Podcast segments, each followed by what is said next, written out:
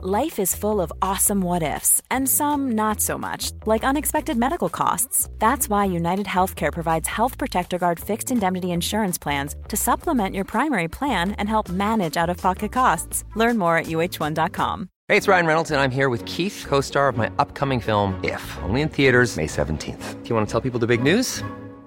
All right, I'll do it. Sign up now and you'll get unlimited for $15 a month and six months of Paramount Plus Essential Plan on us. Mintmobile.com slash switch. Upfront payment of $45 equivalent to $15 per month. Unlimited over 40 gigabytes per month. Face lower speeds. Videos at 480p. Active Mint customers by 531.24 get six months of Paramount Plus Essential Plan. Auto renews after six months. Offer ends May 31st, 2024. Separate Paramount Plus registration required. Terms and conditions apply if rated PG. I'm Sandra, and I'm just the professional your small business was looking for. But you didn't hire me because you didn't use LinkedIn jobs. LinkedIn has professionals you can't find anywhere else, including those who aren't actively looking for a new job but might be open to the perfect role, like me.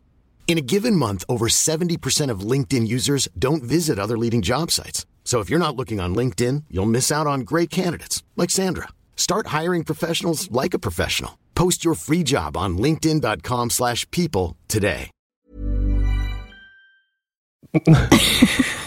Grunnen til at min kone fniser, er fordi jeg har påpekt at vi nå er på episode 67, og det nærmer seg det magiske tallet 40. 69. 40. Det gir ingen mening. Du har- nærmer deg 40. Ja, jeg, ja. Mm. I BMI. Ja, det også. Begge deler.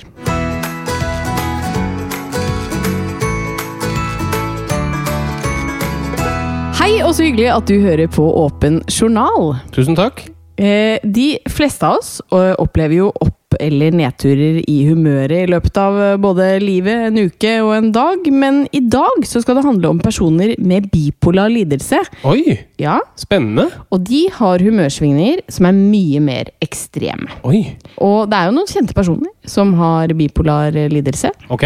Men hvem det er, det får du vite litt senere i sendingen. Oi, en liten tease. En liten tis. Og apropos tis eller tiss, nå skal jeg over til gjesten. Han har en eh, Han har det, si. Han har en tiss. Han har en tiss. Er det derfor han har gjest i dag? Nei. Nei, ikke apropos tiss eller tiss. Men uh, vi får besøk av en veldig hyggelig fyr som jeg har jobbet litt med. Nemlig Petter Pilgaard. Ja, vet du at han har en tiss? Uh, jeg regner med det. Okay. Ja, jeg gjør det. Du kan ikke personlig bekrefte at han har det? Nei. Nei, det er jeg litt glad for. Ja, så bra.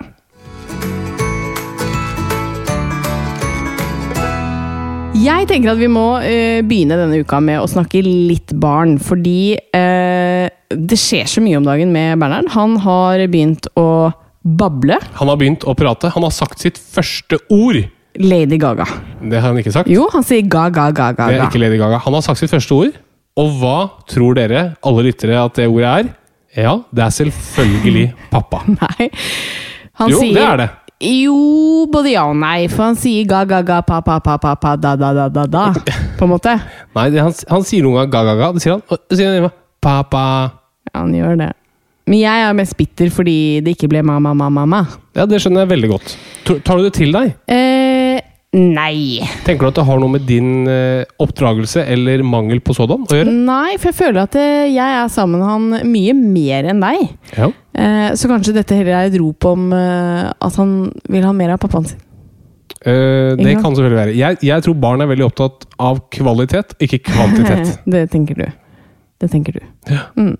Men vi får se uh, om det kommer et ordentlig ord etter hvert, da.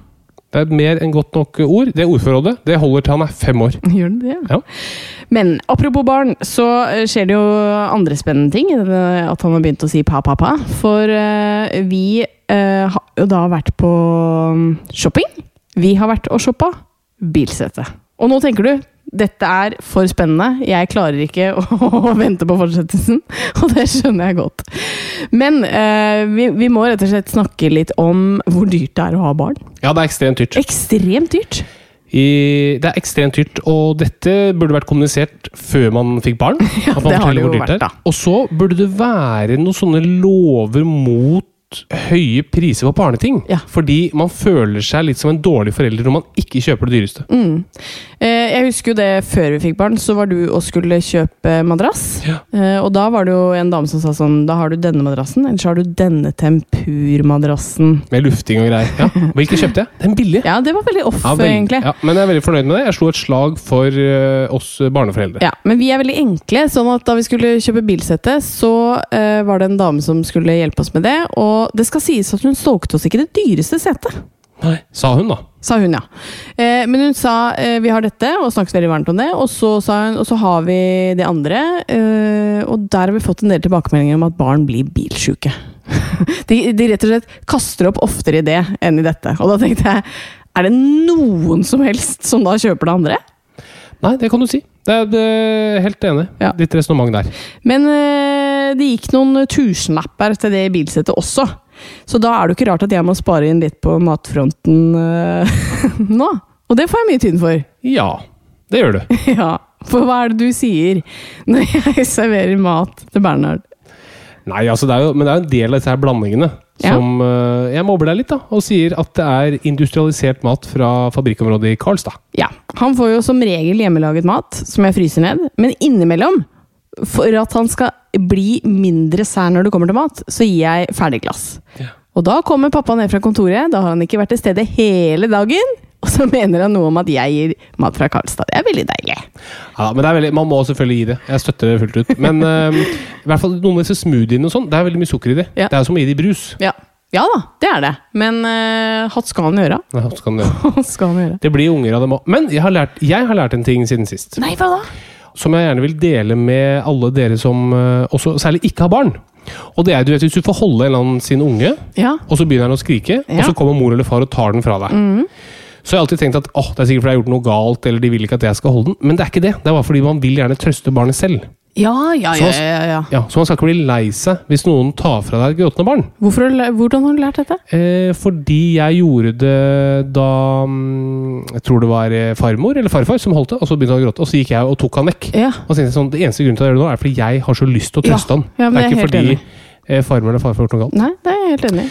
Så det er et lite tips dere kan ta med dere på veien videre. Ikke, ha, ikke bli lei dere hvis dere blir fratatt et gråtende barn. Med mindre dere har gjort noe gærent. da. Apropos tips. Vi må jo til aksjespalten min. Ja, Ja. Da setter vi over til Katta på børsen. Katta på børsen har hatt en tøff uke på børsen. Nok en tøff uke på børsen, må jeg kanskje si. Em, men uh, det som jeg har på en måte å komme med denne uka, da, det er at jeg leste en artikkel om en Paradise Hotel-deltaker. Det måtte være det. Jeg tenkte, Når du Ja. har lest en artikkel, da er det noe gærent. Ja, det er enten om Kim Kardashian, eller Nei, jeg leser om litt andre ting òg. Men denne Paradise Hotel-deltakeren Han eh, kommer nå med et eh, tips på TikTok til hva folk burde investere penger i. da. Mm. Eh, og det har han fått eh, ganske mye tyn for. Eh, også fordi han driver og henviser til at han har tjent 100 millioner kroner, men det står på en konto i Peru, tror jeg. Ja. Ja, Så han kan ikke vise at han har det og sånn. Um, Men de har jo kontoer i Peru. ja, de har kontor i Peru. Men da tenkte jeg at én, tenkte jeg shit, jeg må slutte å komme med tips, fordi dette kan jeg få tyn for. To, uh, det, er, det er på en måte begrensa hvor dårlig mine tips kan være når han kommer med tips, hvis du skjønner. Hvorfor det? Fordi han har vært med på Paradise Hotel. det har ikke jeg. Og akkurat der tror jeg kanskje at da, da, Jeg vet ikke, kall meg gjerne forutinntatt, men jeg tror jeg har bedre forutsetninger til å komme med aksjetips enn han. Ja. Ja. Og det er veldig interessant. Jeg som da hører på kanskje både deg og han, Ja. vil jo da gjerne se noen resultater her. Ja. Og kan ikke du, når du nå sitter her på børsen, Mhm. fortelle litt om dine resultater på børsen siste uka? Siste uka har vært ganske begredelig. Ja. Men det er jo ikke min feil. Nei, det er børsen sin feil. Det er jo børsen sin feil. Det skjønner jeg, men det hvor mange er prosent? inflasjonen sin feil. Okay. Eh, totalt er eh, ned 12% Det er ganske ille. Og det er jo ikke på mer enn tre uker, kanskje? Nei. 12% på tre uker. Ja. Det er veldig dårlig. Ja, men eh, fortsett å følge med. Neste uke kommer det gode tips til børsen. Men siden du har eh, eh, laget en eh, spalte som heter Katta på børs, så har jeg laget en spalte, og den heter Ikke lov å le. Ok, spennende. Du tapte. Ja! Den har ikke begynt ennå. Det er jeg som sier når det begynner. For vi har sett et veldig gøy program på VGTV som heter Ikke lov å le. Og jeg har rett og slett bare tatt navnet og ideen. Nå lo du. Nei, fordi det har ikke begynt ennå. Og nå eh, skal du aller først si noe, eh, og så er det ikke lov å le, og den som ler først, taper. Av oss to? Ja. Ok, ok. Ok, Så skal ikke ta tiden? Det er den som ler først, og som tapper? Ja. Ok, jeg begynner. Ja. Du må telle ned. En, to, tre. Ja, der, jeg vant. Nei. Det, alle hørte at det var en latter. Ok, da er det Da vant jeg 1-0. Nei! Jo. Ja, men jeg må jo også få forsøke. ok, er du klar? Ja.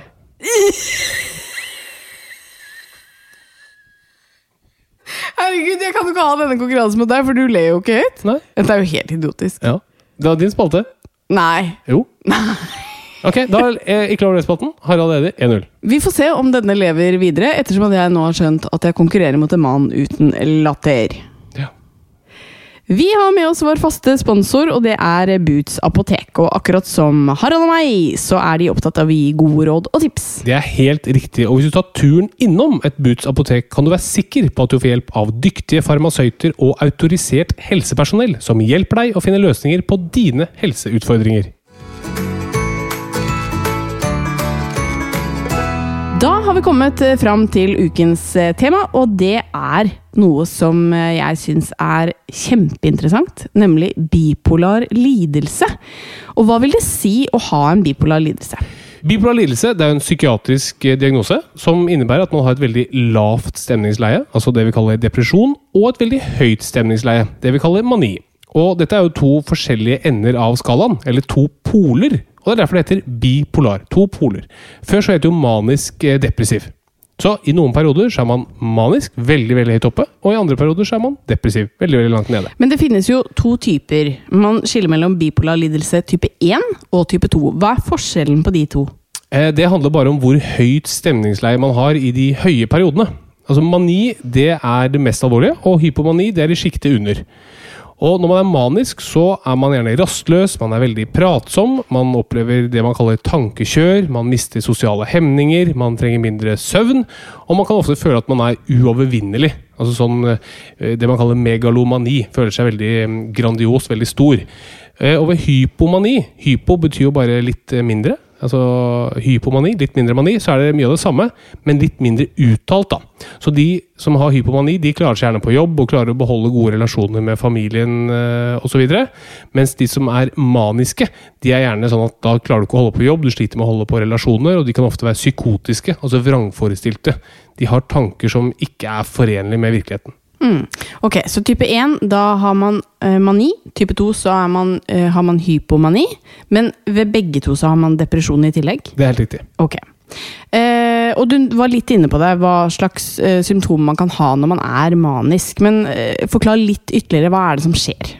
Altså Ved, ved mani så er du veldig høyt oppe. Det er liksom det motsatte av depresjon. da. Så ser for deg de som er deprimerte, og så snur de på hodet. Da blir de maniske. Så typisk så vil det være folk som eh, mister sosiale hemninger. Veldig veldig pratsomme, veldig sosialt omgjengelige. Det kan være mye tilfeldig sex.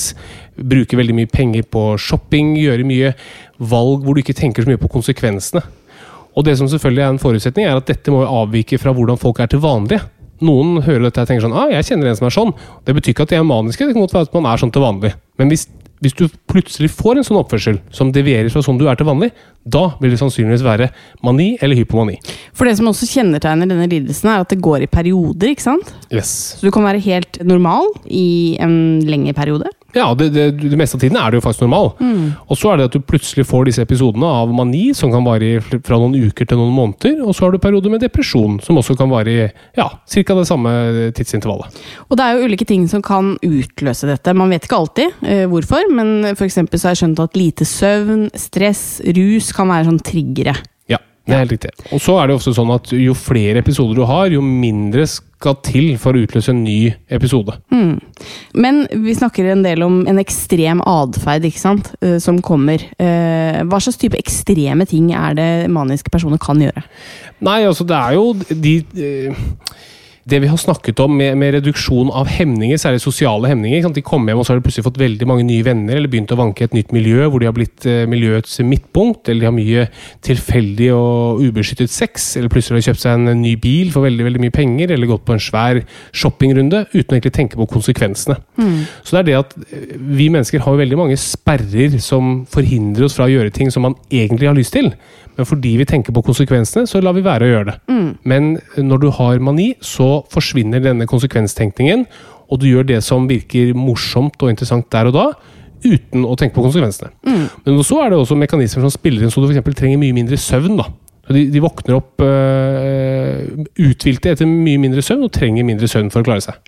Og da tenker jeg at mindre behov for søvn, eh, mye energi, eh, mye kreativitet Dette er jo ting som ikke sånn utelukkende bare høres negativt ut. Nei, veldig mange bipolare er veldig glad i disse periodene, med hypomani og, og mani. Og det kan til og med være familiemedlemmer er glad. Det kan være om det er forfattere som får skrevet veldig mye av boken sin, eller hjemmeværende som får ryddet veldig mye i huset. Det kan være noen sånne ting som hvor det definitivt er en fordel å være hypoman eller til og med manisk. Mm. Og jeg har også eh, lest og sett en del intervjuer med Kanye West, som fikk eh, diagnosen bipolar lidelse i en alder av 39 år. Så han har gått ganske lenge uten å få den diagnosen. Og eh, kilder rundt han sier at han ikke tar medisiner fordi han eh, mener at det fratar han kreativiteten. Og det kan jeg jo godt forstå. Og han har faktisk også sagt, da eh, Jeg er så velsignet og så privilegert. Tenk på alle som har psykiske plager, men som ikke er Kanye West, og som ikke kan gå og lage en plate som får dem til å føle at alt egentlig er bra. Derfor sier jeg som jeg gjør på albumet mitt, det er ikke en funksjonshemming, det er en superkraft. Mm. Og jeg, jeg syns det beskriver det litt fint, for jeg har jo og det har du òg sikkert møtt eh, bipolare mm, personer i maniske episoder gjennom studie og jobb. Og eh, jeg må jo si at eh, ofte så slår de meg som veldig sånn eh, Veldig utadvendte, mye energi. Du blir liksom litt fanget av de. Så jeg skjønner jo at noen tenker at det ikke utelukkende er negativt, da. For de føler seg jo veldig oppe, ikke sant? Absolutt, og det er veldig mange, jeg tror det er under 50 ja, av pasienter med bipolar lidelse som faktisk tar medisiner som forskrevet. Hvor dette er en del av årsaken. At man ønsker å beholde den kreativiteten, den eh, hemningsløse atferden sin. Nå skal vi ikke gjøre det for eh, vakkert, for det, det kan være ganske tragisk og veldig mye skummelt med dette her, men akkurat den biten av det vil man jo se på som veldig positiv. Mange tenker jo jøss, å miste sosiale hemninger og være veldig pratsom og ha veldig lett for å komme i kontakt med andre mennesker, er veldig gode egenskaper, og det er det så absolutt. Og sånn er det med en del psykiatriske diagnoser, ADHD f.eks., hvor Herman Flesvig sier også det at det er ikke alltid han tar sine medisiner, fordi han føler at det demper han. Og det gjør det jo, for det er jo medisinens effekt i disse lidelsene her. Ved bipolar lidelse så er problemet at du svinger for mye. Du er for høyt oppe eller for langt nede, og så prøver medisinen å få deg litt mer mot midten. da. Og da vil jo en konsekvens være at du er flat. Men alle merker jo det at hvis du er i en god periode i livet, så er du litt høyt oppe, du svever litt, og det kan absolutt være en bra følelse. Mm. Og eh, jeg syns jo eh, i serien Homeland, hvor eh, man kan eh, se Kerry ha bipolar lidelse, så syns jeg ofte det viser eh, kan vise hvordan det kan skli ut, da. Ikke sant? For det er som du sier, man må ikke male et for positivt bilde heller. Det kan jo være kjempetøft både for personen selv, men ikke minst for de rundt, da. Og de skal komme litt tilbake til de pårørende. Ja, for Det er jo noe som også er veldig vanskelig med en del psykiatriske lidelser, ikke minst bipolar lidelse. Det er det at man ser jo ikke alltid problemet selv. Sånn at man tenker at dette er jo bare positivt. Man, man ser ikke at man burde tenke på de konsekvensene man plutselig har glemt. da. Og det vil jo være ytterligere eh, altså Det vil gjøre det veldig mye vanskeligere å få behandlet disse pasientene, også som pårørende. For du klarer ikke å nå inn til pasienten med at her er det faktisk et problem. Og som du sier, det fins mye som er vanskelig med denne lidelsen også. F.eks. at man får uh, depressive perioder. Uh, hva er symptomer på denne type depresjon? Så ved depresjon så føler du at du har lite energi, du føler deg nedstemt, du opplever ikke glede over ting som før gjorde at du opplevde glede. Man kan oppleve søvnforstyrrelser, enten at man sliter med å sove, eller at man sover mye mer enn vanlig. Eh, Du kan ha mindre matlyst. Noen spiser også mer enn vanlig, men det vanligste er å ha mindre matlyst enn før. Du interesserer deg mindre for ting eh, rundt deg, og så er det ganske tett korrelert til angst. da. Så mye indre uro og angstfølelse er tett bundet opp mot depresjon. depresjon. Eh, og hva kan være farlig ved bipolar lidelse? Bipolar lidelse er veldig veldig farlig. Både med tanke på det risikofulle man kan gjøre når man er manisk, man da, når man da mister den hemningstankegangen, du mister følelsen av konsekvenser, så gjør det at man utsetter seg for mye, mye mer risiko. Eh, og så har de en ganske høy suicidalfare, altså en ganske høy risiko for selvmord blant de som har bipolar lidelse. Eh, og det er nesten en tredjedel av alle med bipolar lidelse som forsøker selvmord i løpet av livet. Det er mange. Det er veldig, veldig mange. Mm. Og da eh, bringer du meg litt inn på eh, det at dette kan selvfølgelig være veldig vanskelig for folk som står rundt. Eh, hvorfor er det krevende, tenker du, å være pårørende til noen med denne type lidelse? Det er alltid vanskelig å være pårørende til alvorlig syke mennesker. Og det som er kanskje spesielt vanskelig med bipolar lidelse, er jo det at pasienten ikke ser problemet selv. I hvert fall ikke under de maniske eller eh, hypomane periodene.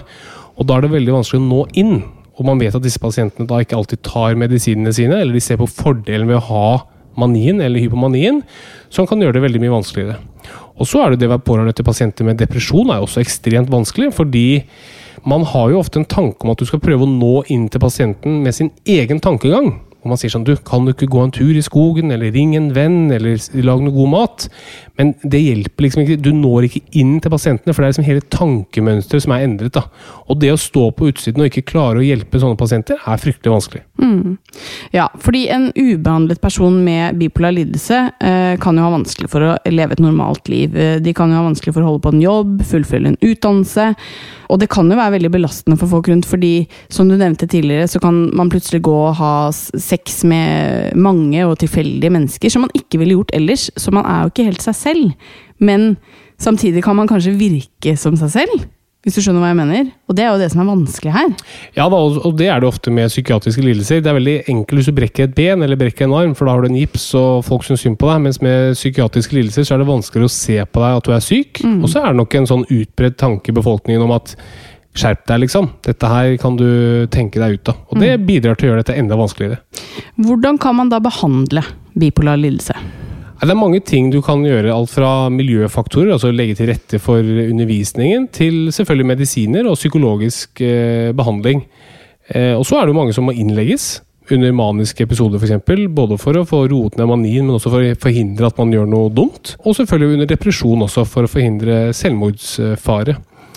Og så er det sånn at I og med at man balanserer mellom to ytterpunkter, altså depresjon og mani, så må du være litt forsiktig, fordi behandling av den ene tilstanden trekker deg egentlig mot den andre tilstanden. Mm. Altså Hvis du har bipolar lidelse og er deprimert og får antidepressiva, så kan du det dytte deg over i en mani. Så Det gjør at det her er ganske eh, vanskelig. Så er det veldig mye egenbehandling. Altså Du må lære selv hva er det som gjør at man får en ny episode. Kan det være at man har lite søvn, eller kan det være rus, eller kan det være mye stress? Og passe på de tingene her for å klare å redusere risikoen for nye anfall.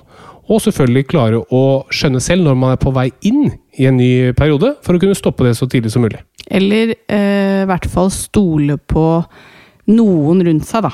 Hvis de sier at nå kan det hende at du er på vei inn i noe. Ja. Mm. Så avslutningsvis så tenkte jeg bare å si at det finnes jo hjelp eh, både til deg med bipolar lidelse og til pårørende. Dere kan gå inn på psykose-bipolar.no. Jeg vet også at det finnes andre foreninger. Og eh, dersom du trenger noen å snakke med, enten det er dette, eller du har det vanskelig med noe annet, så kan du ringe hjelpetelefonen på 116 123, for den eh, er for alle som trenger noen å snakke med, og de har taushetsplikt. Yes. Og så, det vil jeg også bare si, som vi ikke snakker så mye om når det gjelder psykiatriske lidelser, vi snakker gjerne om psykolog og timepsykolog, husk på at fastleger er også ganske gode på dette her. Mm. Og de har også taushetsplikt, og de har kortere ventetid, og det koster ingenting. Så er du i tvil om dette her, ønsker å snakke om bare ta en uh, prat med fastlegen din. Det er mm. veldig lurt, veldig billig, og du snakker med veldig flinke folk.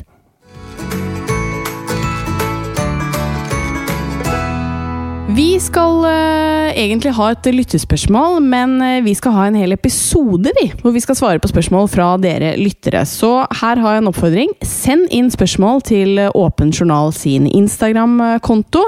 Vi skal forsøke å svare på medisinske kuriositeter og spørsmål fra dere lyttere. Men jeg er også ganske god på hagestell. Ja, det har du! Og vanning. Ja. Så har du spørsmål rundt det, så mottas det også. ja. ja. Eh, andre temaer de kan sende inn spørsmål om? Ja, fly! Jeg har jo blitt en racer på radiostyrt fly. Tja. Har du spørsmål om det? Send inn. ok. Eh, og ellers eh, gjerne noe medisinsk. Yes.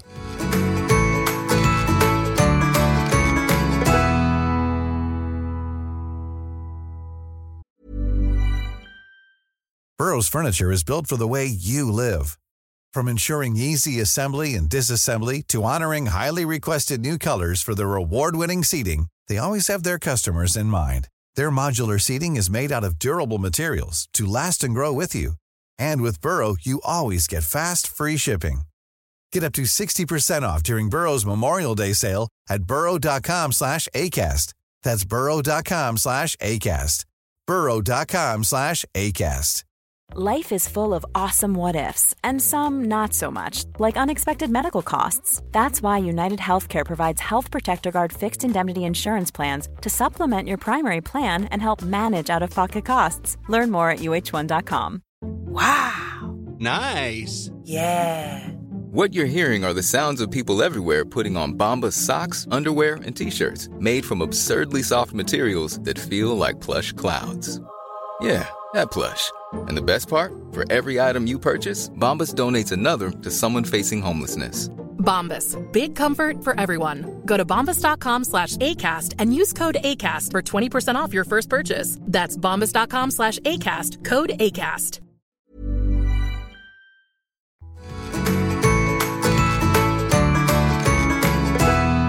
Da har vi fått en eh, ordentlig eh, glad type inn i studio. Eh, veldig hyggelig å se deg, Petter Pilgaard. Likeså, dere to. Ja. Veldig hyggelig jeg fikk lov til å komme. Nå er jeg full av gress, da, så jeg håper ingen har eh, pollenallergi her.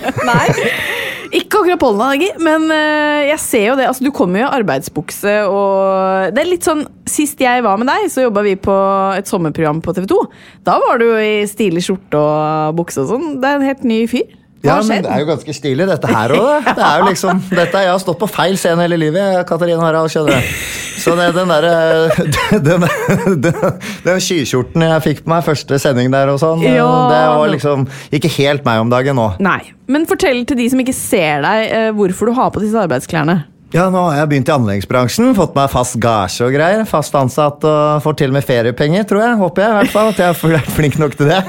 Så nå har jeg vært ute og klippet gress, faktisk, for Oslo kommune. Ja. Så jeg har stått med kantklipper og sitteklipper og Og egentlig hele meg er et gresstrå, føler jeg akkurat nå. Men jeg hadde ikke tid til å skifte før jeg kom til dere, så jeg beklager det, altså. Men jeg har dusjet i dag, det i hvert fall. Nei, men det er en liten eim av sommer her. Ja, Både det vil fordi si. du lyser opp som en sol, og fordi du har litt gress på klærne. Hyggelig, og ikke minst uh, solbrent, da. Jeg Litt Så solbrent, ser- jeg ser jo at jeg er ganske, ganske rød. Ja, men det- det er, altså, det er, noe, brunt, det er noe brunt her òg. Ja, nå er du raus. Er raus. Og fargeblind. Ja, men det, blir, det er det jeg kaller litt sånn diskobrun. Når det er dunkel belysning, ser man ekstremt brun ut. Så dere to som eh, leger, jeg vil vel kanskje råde meg til å bruke solkrem fremover, kanskje? Absolutt. Gjør du ikke det? Nei, jeg er litt dårlig til det. Tidlig morgen vet du, så rekker man ikke å drive og ta på seg solkrem og greier. Må rett på jobb og Ja, men det er viktig. Ja, du skal være så mye ute i sola. Men da blir jeg nysgjerrig, fordi du er jo slik jeg kjenner det. Du er jo liksom eh, glad i å finne på ting, ha litt energi her og der, og så blir, blir, blir du ikke utålmodig av å sitte liksom åtte timer på en gressklipper? Nei, men Det skjer ting hele tiden. vet du. Gjør det det? er folk å se på. ikke sant? Kommer det en kul bil, og så må du jo følge med på Er det, er det liksom noen pinner på den pleden? Er det stener? Og så må du jo liksom hele tiden kontrollere at eh, du på en måte har dekkene riktig, at du får med deg alle stripene frem og tilbake, at du ikke gjør en dårlig jobb. da. Ja. Så det er jo egentlig det jeg bruker mest tid på. Så på en måte perfeksjonere jobben min. Ja. For at jeg liker jo at det ser eh, bra ut. Det, må, det er ganske gøy når du ser så konkret resultat. Jeg har jo blitt en hagemann med egen gressplen og greier. Selverklært, i hvert fall. Selverklært hagemann. Ja. Og det å se et uh, godt resultat, det er veldig tilfredsstillende. Ja. Det er ikke alle jobber som Ja. har det. Nei, du ser det med en gang, vet du. Ja. Og der var det masse gress. Kjører du over en runde, og nei, der var det, der var det klippet, gitt. Så ser du det. Så det, det er faktisk ganske tilfredsstillende, og det gjør jo meg glad, da. Men det jeg har tenkt på, fordi jeg kjørte jo på vei hit i dag, kjørte jo forbi um, Smestad brannstasjon. Som er et kommunalt bygg, og der var det en fyr som satt og kjørte gressklipper. Men der var det mye løvetann. Det bare kjørte han over. Driver dere ikke noe luking eller sånn løvetannfjerning på de kommunale gressplenene? Nei, da tror jeg du må et annet firma som er liksom yeah. anleggsgartner som skal gjøre det fint, men ugress, det bare meier vi ned. Så jeg tar ikke også plukker det der eh, brennesle og koker suppe og sånn hjemme. Det kunne jeg jo gjort, og jeg har Ja. sikkert funnet noe rabarbra-greier, men eh, da jeg begynte eh, Da jeg først begynte jobben, så hadde jo ikke jeg pei... Altså, jeg har jo ikke så grønne fingre som deg, Harald, at jeg på en måte kan skilne de Han har forskjellige ikke det, han plantene. heller. Jeg har brune fingre, for jeg er lege. Hvor har de fingrene vært da, lurer jeg på. Men, ja. Det kan du lure på. Men da meide jeg med absolutt alt da vi var i et borettslag. Og så tenkte jeg oi søren, dette her er jo ikke ugress, det er kanskje noen som har plantet dette her som ikke har blomstret ennå. Så det fikk jeg litt påpakning på da. Så, så nå er jeg liksom litt, litt mer restriktiv. Men, men ute på store gressplener og langs veien og sånn som jeg har vært i dag, der tenker jeg det er ingen som planter noe der. Nei. Så da bare meier man ned alt som er, da. Så deilig. Det er superdeilig. Det er liksom, jeg tenker, For de som har mye frustrasjon øh, Og det er jo ikke sånn veldig innafor oss å bruke fysisk vold. Men Nei. planter de har jo ikke så veldig mye følelse, så på en måte få det ut der, da. De tenker jeg. Bare mei det ned. Det finnes sikkert noen sånn planteentusiaster som nå du hisser, hisser på deg, fordi folk blir jo fort sure for mye om dagen. Ja, Kanskje det er noen planteelskere som blir krenket. Men jeg er helt enig. Hvis du er, hvis du er mer enn 70% sikker på at det ikke er noen som har planta noe, da må det være lov å meie det ned. Ja, jeg tenker det, Så så Ja, blir det jo så pent. ikke sant? Det er jo Ja. ikke noe pent med, med brennesle som, øh, som vokser øh, over vinduskarmer og alt mulig sånt. Da må få det ned, da. Men du, har du gressplen hjemme? Nei, det har vi ikke. Det er bevisst valg. Vi Mm. har mm. bakgård med, med stendekke, Ja. si, og så har vi blomsterbed. da. Ja. Så jeg gleder meg alltid til å dra hjem og vanne bedet til Vendela og, og kose, kose meg med det. Ja, jeg elsker å vanne, skjønner du. Hvilket uh, bed Ja. eh, snakker vi om Hjem og vanne bedet. Det kan tolkes i mange retninger, det. Ja, det er faktisk en veldig fint bed, altså. Det tror jeg på. tviler jeg ikke på. Fra bed til helse. Vi har jo invitert deg for å høre litt eh, hvordan det står til med helsa di. Hvordan går det? Ja, vet du hva, Takk som spør. Eh, Jeg tror det går meget bra. Jeg har pollenallergi. da. Så, så jeg er jo, til forskjell fra veldig mange andre nordmenn, litt glad når det regner. Ja, fordi da blir det jo klar luft og sånn. Men bortsett fra litt tett og sånn, så har jeg det knallbra. Jeg tror man kommer langt med å være blid og glad i positiv. Men jobb, altså apropos, du har jo gått eh, Det er vel litt sånn taktskifte i arbeidshverdagen, men jobb har jo veldig mye å si for både fysisk og psykisk helse. Ja. Det har alt å si. Gleder du deg til å gå på jobb, som jeg gjør nå hver dag, så våkner du opp glad. Og du får masse positiv energi eh, når du får lov til å gjøre noe du syns er gøy. Og jeg er så heldig i tillegg at eh, jeg har masse fysisk eh, aktivitet i jobben min. Og jeg får masse D-vitaminer. ikke sant? Får jo sol og masse frisk luft. Så, så kanskje det er det som holder meg frisk. Og selvfølgelig ekstremt forelsket, da. Jo. Ja, men det å være glad inni seg Ja. Jeg tror jo da at det hjelper veldig på den fysiske helsen. Ja, Ja, ja, det er definitivt. Det jeg også tenkte litt på, er jo Du har pollenallergi, men jobber jo nå som gressklipper, kan du si. da. Altså i disse dagene her. Ja, så det er jo ikke helt smart, da. Så, så, så jeg valgte kanskje ikke akkurat den oppgaven med omhu, men, eh, men jeg tenker eh, man overlever jo det òg. Ja. Altså, Er det ganske ikke sunt å nyse? Jo, men altså, jeg tenker sånn som Er det sunt å nyse? Altså, altså, du nyser av en grunn, da, du får jo ut. Men altså, Ja. om du skal fremprovosere nyset Jeg vet ikke om det har så veldig mye for seg, men det som er litt interessant, er at som lege så møter du veldig mange mennesker som trenger sykemelding og legeerklæring og sitter lenge på eksamen, f.eks. Pollenallergi er et veldig eh, noe som vi ofte gir erklæring så du får sitte lenger på eksamen. Det er alltid gøy når du møter en litt sånn motpol, da. Ja, ja. En som har pollenallergi og, og jobber som gressklipper. Ja, det er Og som uh, hater å ta piller, så jeg tar jo ikke noe medisin mot det heller. Gjør du ikke det? Nei, jeg, gjør ikke det. jeg er ikke noe glad i å ta piller hvis jeg ikke absolutt må. Er det sant? Hvor- Hvorfor ikke? Nei, jeg vet ikke. Jeg bare tenker at uh, den gangen jeg virkelig trenger uh, disse medisinene, så funker det, da. Det er sånn så Jeg tror jo over, ikke sant? var litt overentusiastisk og vis, skulle vise lærling eh, hvordan han lettest kunne, kunne måle bredden, altså høyden i en grøft. da, ikke sant? Med å legge noe over og ha noe vater og noe greier. da, ikke sant? Kjempeentusiast, hoppet rett uti, og, og, og ankelen gikk til høyre og kroppen gikk til venstre. Nei. Så det var jo ikke så godt, men til og med da så var jeg vegret jeg meg altså, til, å, til å ta piller. Ja, jeg er ikke noe glad i det. Nei, men Det der er interessant, fordi det fins Jeg føler det fins de som på en måte tar Paracet med én gang de kjenner en hodepinesmerte. Og så er det liksom dere som, er, eh, som ikke vil. Men du klarer ikke å forklare liksom hvorfor? Altså, Er du redd for effekten? Er du redd for å bli avhengig? Er det noe sånt, Eller er det bare du vil at skal, kroppen skal rydde opp? Altså, Hvis jeg hadde gått skikkelig gærent, så, og jeg, noen hadde sagt at jeg skulle tatt Oxycontin, for eksempel, så hadde jeg heller hatt vondt. Er det sant? Ja, det hadde jeg faktisk, for at det er jo det som har startet hele opioidkrisen i eh, USA. Ja. Faktisk, eller En av grunnene ikke sant, at de har fått altfor mye smertestillende. Og så har jo da legemiddelprodusenten sagt at nei, nei, dette her er jo ikke avhengighetsdannende i det hele tatt. Og så er det jo like ille som heroin. ikke sant? Men det er jo egentlig en digresjon. Men eh, nei, det er jo egentlig ikke noe redd for noe effekten. Men, eh, Eh, hvordan, at jeg ikke skal på en måte kjenne meg selv igjen. Men um, det er det er egentlig et veldig godt spørsmål. Jeg har ikke tenkt så mye over det, men jeg, jeg, tror, jeg tror det rett og slett er det at, eh, at jeg prøver meg uten, for at jeg har ikke lyst til å dytte i ting i kroppen som jeg ikke vet hva gjør med kroppen min. Ja. Nei, men altså, Det er et veldig fint prinsipp, det. Og jeg tenker jo sånn selv også. Og for mine pasienter må jo ikke bruke mer medisiner enn man må. Nei. Og man, man vet jo på en måte Ulempen ved å ikke bruke allergimedisin det er at du klør litt i øya og, og nyser litt. Og så, vet du kanskje ikke helt fordelen av å bruke det, men så lenge du er fornøyd med den kost-nytte-vurderingen, så er det helt supert. Ja, for at jeg vet jo at det er idioti av meg. ikke sant? Hvorfor gå rundt og ha det vondt når du men, eh, men ja, ikke sant? det går jo utover lever, og det går jo Eller kan, da. Jeg sier Ja, ikke da, er det er, sant det. Nå skal ikke jeg komme med påstand når dere har sittet lenge på skolen med meg og studert dette her. Men, og har papirer på at dere faktisk kan noe, men, men, men det er jo ikke nødvendigvis bra for kroppen å dytte i seg for mye heller. Så tenker jeg, men det går jo an å bite tennene litt sammen nå. Mm. Selv om det har vondt i føttene, så går det an å jobbe med hendene, liksom. For Ja, at, ikke eh, ja, du er, du Men er at, eh, positivt sinn. Men, ja, ikke sant? Og det, det er jo også sånn de ser ofte særlig med småbarnsforeldre som når barn har feber, så vil de helst ikke bruke Paracet. For de tenker at det er vel ikke noe bra for, eh, for kroppen å ha så mye Paracet i seg hele tiden. Men husk på at det er ikke bra for kroppen å ha feber heller. Eller det er jo ikke bra for kroppen å ha allergi eller masse histaminer. Eller, altså, husk på at det er jo man er jo også i en tilstand som ikke er veldig gunstig.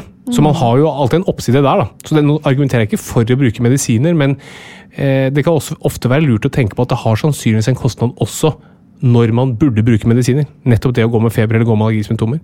Ja, for at jeg leste det, skjønner at at man faktisk blir fortere frisk hvis du har en forkjølelse, da.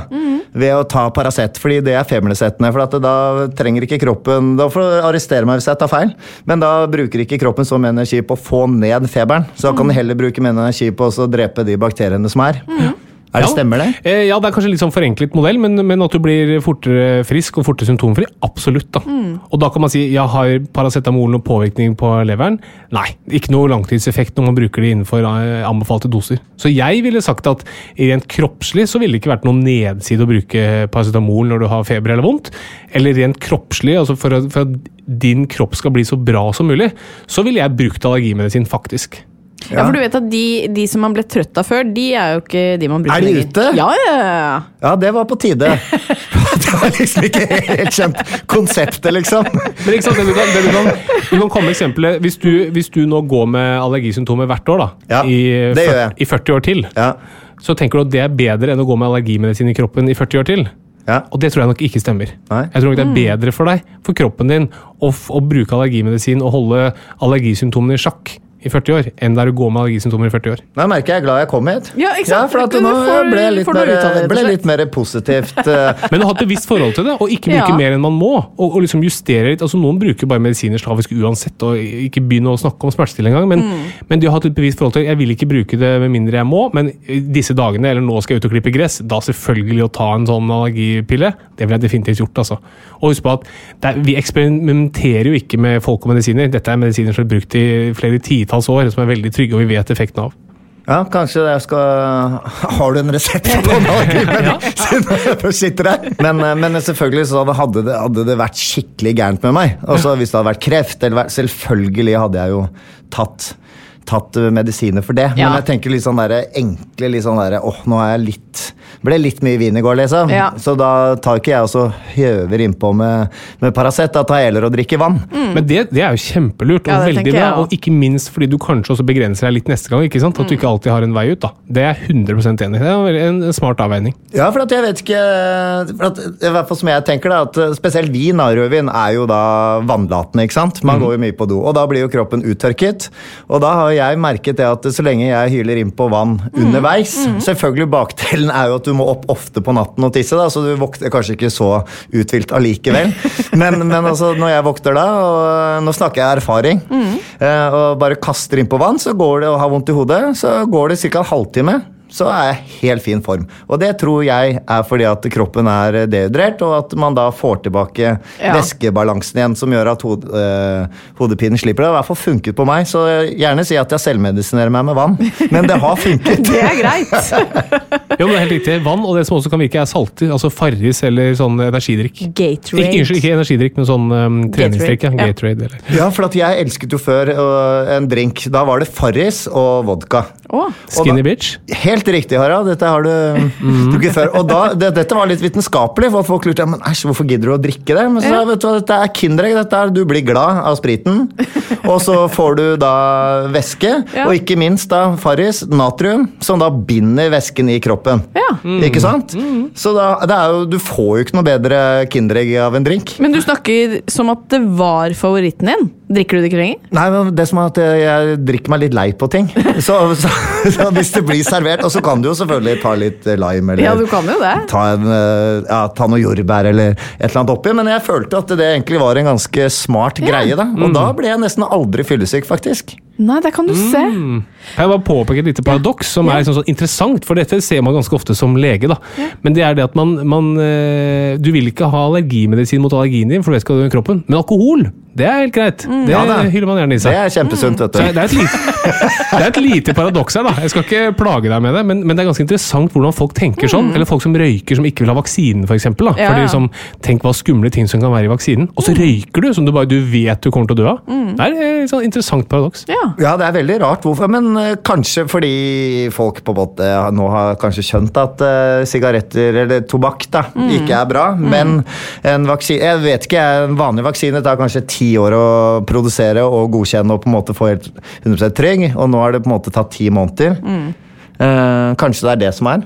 At, de på en måte, at vaksinen da er litt mer eh, ukjent, uviss, men på en måte man vet at tobakk, håper jeg da, eh, ikke er godt for kroppen. Jeg har ikke peiling, men jeg skal ta vaksinen med glede, for dette her er en dugnad. Ja. Og det er viktig at eh, de som er utsatte og, og sånn, har det trygt. Ja. Og jeg tenker mest på det enn mm. faktisk det at jeg skal få lov til å sette meg på Aker Brygge og, og ta meg en drink. Jeg må jo bare faktisk, når jeg er inne her til dere to og til alle i Helse-Norge, si en stor, stor takk. Tenk deg hvordan dere står på, alle de som er på teststasjoner, de som setter vaksiner, de som forsker på dette, er de som behandler.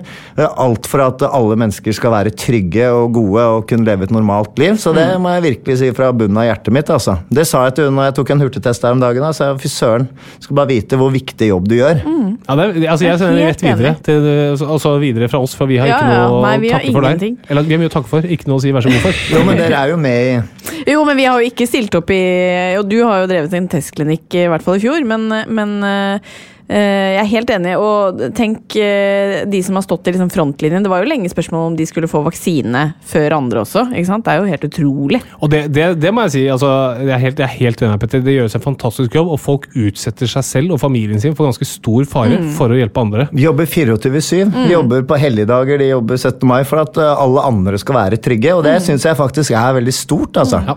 Det er en kjempedugnad som jeg er takknemlig for at Ja, det er helt fantastisk. Og jeg må si, liksom, når man nå snakker om eh, lønnsoppgjør og sånn, altså at eh, hva, hva leger og sykepleiere som finner seg i, at man liksom går ned i reallønn f.eks., mens andre altså Det er helt uh, ubegripelig. Så jeg tror at det er veldig bra at det er så altruistisk at man gjør dette selvoppofrende, men det å gå på jobb, utsette seg selv for smittefare, komme hjem til familien for å hjelpe andre, og så Ja. ikke stå mer på krava, det er veldig flott. Det er veldig nobelt av, av helsepersonell. Det er det. Flere av dere. Men hvis du eh, ikke er så glad i å ta medisiner, da aner det meg at du ikke er typen som liksom flyr ned døra hos legen heller? Nei, jeg har aldri vært hos fastlegen min, jeg. Er det sant? Nei, ja, hva skal jeg der å gjøre? Jeg er frisk og rask, da.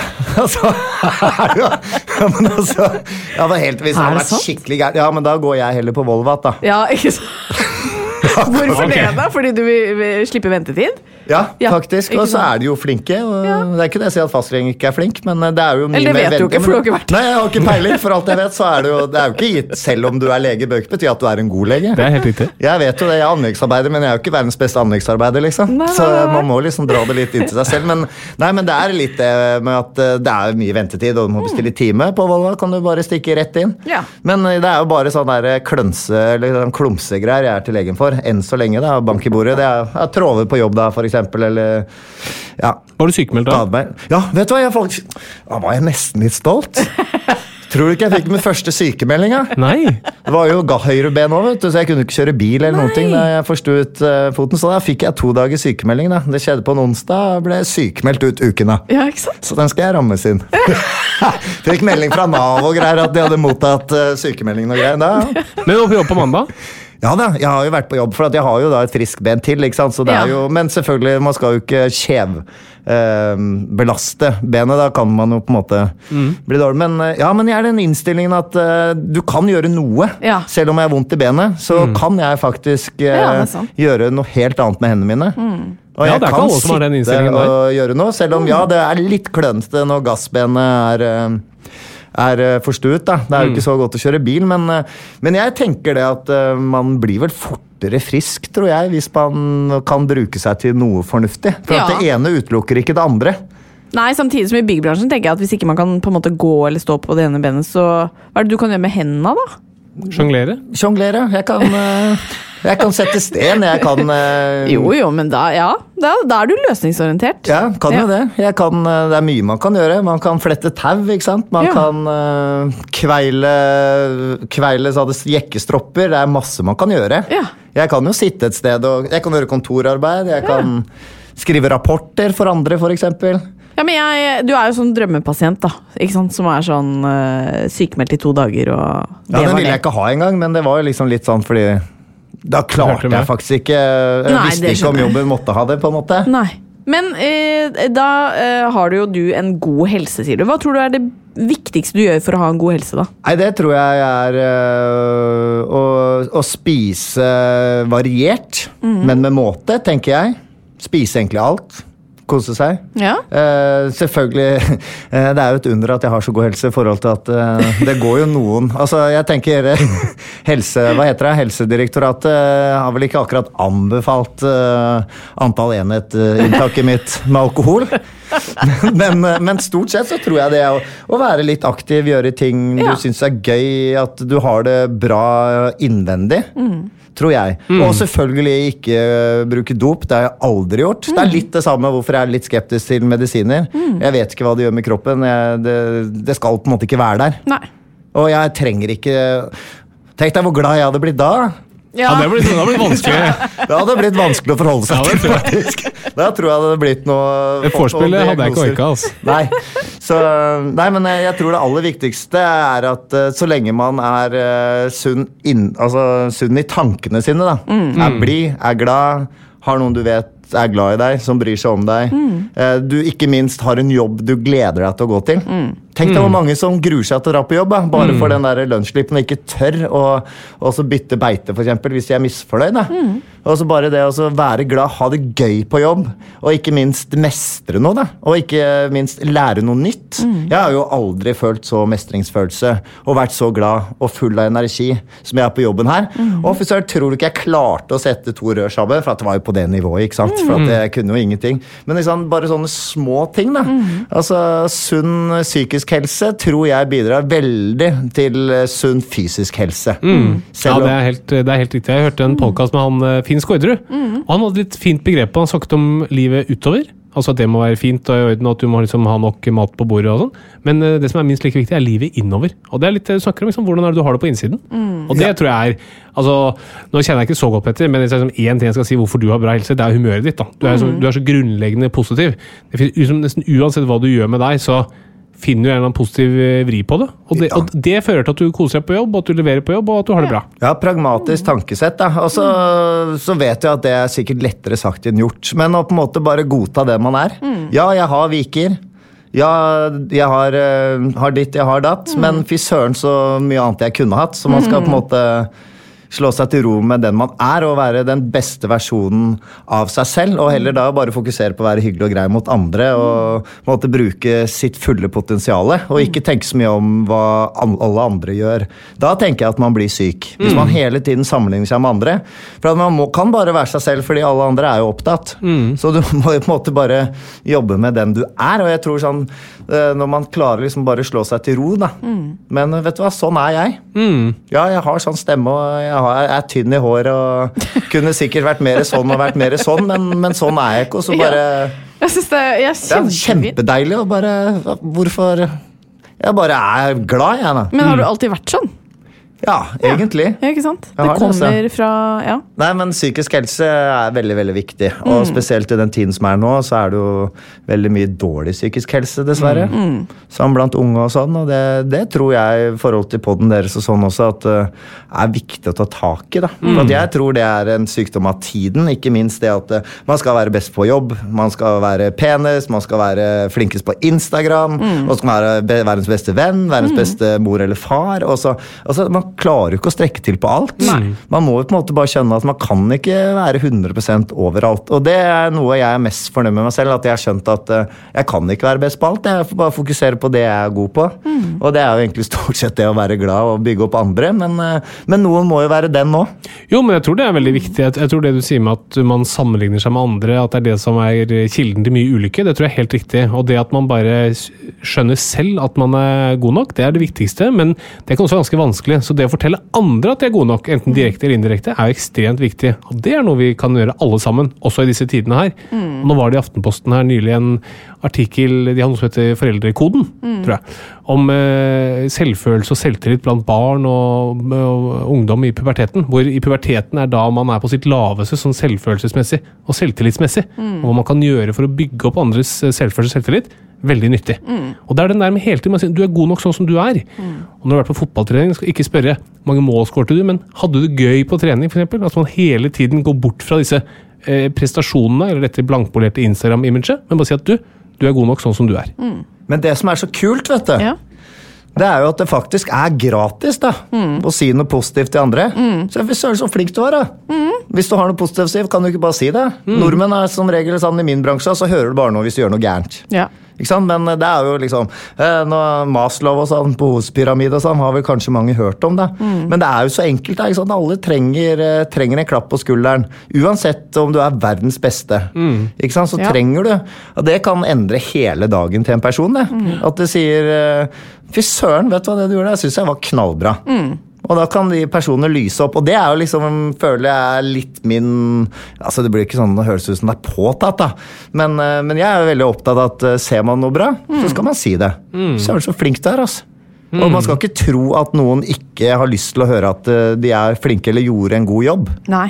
Men tenk hvis alle som hører på, kan ta med seg det. At de skal bli hvis du, hvis du ser eller hører eller tenker noe er bra, så si det. Hvis noen gjør det i morgen, da. Tenk så fin verden vi får i Ja, morgen, og det, da. er, det må ikke være sånn påtatt som sier, Nei. det kan være sånn helt småtterier. Og du sier til bussjåføren sånn Du, det var behagelig kjørt i dag, liksom. Ja. Tusen takk. Det er kjempehyggelig. Ja, jeg vet det. Tenk folk, folk blir overraska Eller i kassa, bare sånn du, Jeg vil bare si tusen takk for at du sitter her og ordner så vi kan Ja. få kjøpe mat. Det er jo ikke, det er ikke noe påtatt, det. Det er jo helt riktig. Ja, De har gjort en kjempejobb. Det er jo, eh, Jeg husker det var særlig etter det var, det var terroren i USA eller noe sånt. Så har det vært sånn eh, slagord som står på suben overalt. If you see something, say something. Og det handler om selvfølgelig hvis du ser noe mistenkelig. Men kanskje du skal snudd det positivt. If you see something, say something. Et eller annet bra. Sånn, Takk, Petter, for at du er så fin gjest. Eller du er så fint kledd i dag. Ja, du har skjønt det, du. Lærer fort. du. Smart han derre typen din, Katarina. Det må være lege eller noe sånt. han. Ja, han er lege. Men det som spørs, er jo hvor smart Petter og jeg klarer å være i dagens quiz. Ja. Ja, det blir veldig spennende. For nå skal vi til dagens quiz. Og med oss i dag har vi Petter Pilgaard. God dag. God dag, god dag. Og vi har med oss Stud med Katarina Flatland Doblaug. God dag. Hei. Er du spent, Petter? Veldig, veldig spent. Hva tror du er i potten i dag? Nei, det er vel et, eh, en resept på valgfri vare, da. Akkurat det! Resept på allergimedisin. er i potten i dag. Eh, vi starter enkelt. Petter Pilgaard. Ja. Hva er det viktig at mennesker med bipolar type 2 ikke drikker? Nei, jeg tenker eh, alkohol, jeg. Ok, Katarina? Uh, er det noe ordspill her, da? Uh, Det er ikke sikkert. nei, jeg vet ikke. En dobbel depresso. Ja. ja. Petter ler jo av alt, for han er høflig og positiv. er det sånn type quiz jeg tenkte? Ja, sånn Være ja. smart? Jeg Ja, tenkte, ja, men det er, i, det, det er begge deler. Ja. Katarina, hvor Ja. mange mennesker har bipolar lidelse i Norge? 15 000. Petter? Jeg tipper uh, 100, jeg. 1000, altså. 100 000? Ja, helt, Petter er mye nærmere. Det er 100, over 150 000. Det er mange. Ja, det er Men tenk deg, mange. har, tenk deg hvor mange som ikke har fått diagnosen ennå. Ja, Ikke sant? det er mange. Det er var mange. bra. Det ligger et skritt foran, Bra Petter. deg. Ok, 1-0 til Petter. Ja. Neste spørsmål. Petter, Ja. hva slags medisiner anbefales til bipolare pasienter som er deprimerte? Med antidepressive, det. Ok, Katarina? Ja, eller skal det ha litium da òg? Nei, det er faktisk antipsykotika.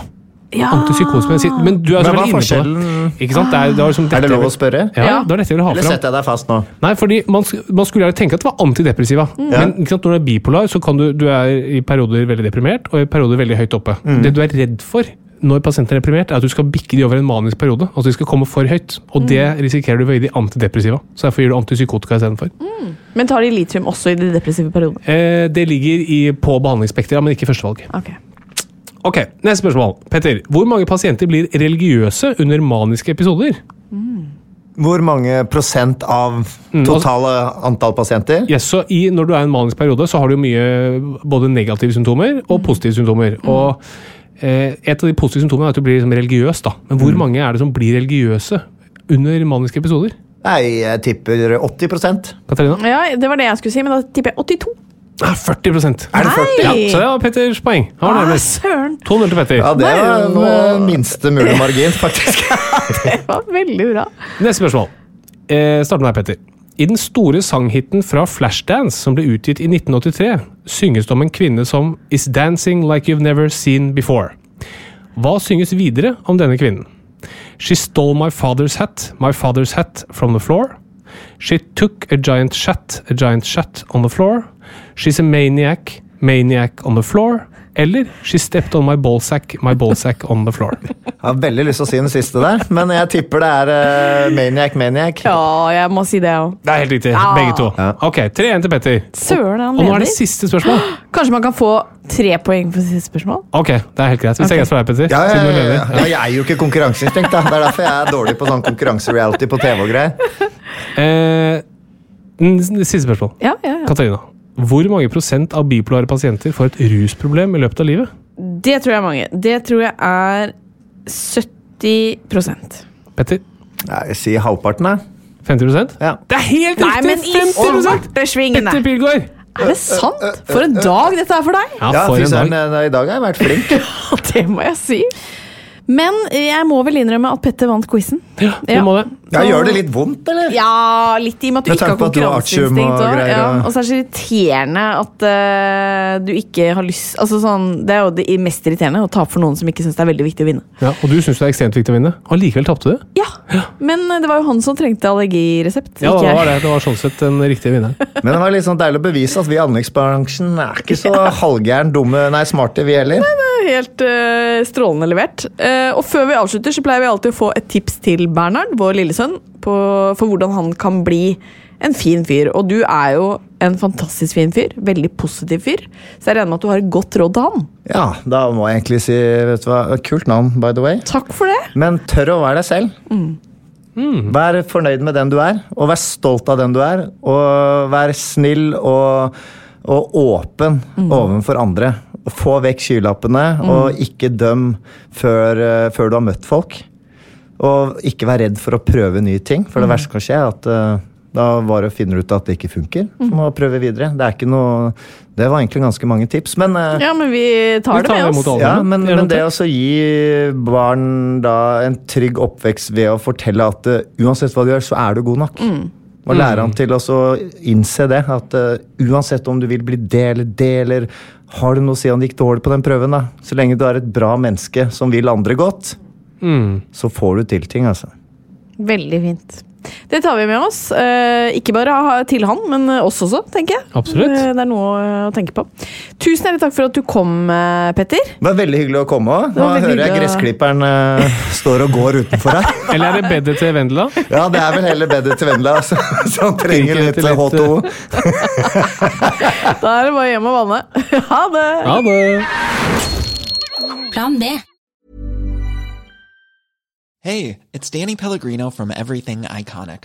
Ready to upgrade your style game without blowing your budget? Check out Quince. They've got all the good stuff shirts and polos, activewear, and fine leather goods, all at 50 to 80% less than other high end brands. And the best part? They're all about safe, ethical, and responsible manufacturing. Get that luxury vibe without the luxury price tag. Hit up quince.com slash upgrade for free shipping and 365 day returns on your next order. That's quince.com slash upgrade. Even when we're on a budget, we still deserve nice things. Quince is a place to scoop up stunning high-end goods for 50 to 80% less than similar brands. They have buttery soft cashmere sweaters starting at $50, luxurious Italian leather bags, and so much more. Plus, Quince only works with factories that use safe, ethical, and responsible manufacturing. Get the high-end goods you'll love without the high price tag with Quince. Go to quince.com slash style for free shipping and 365-day returns.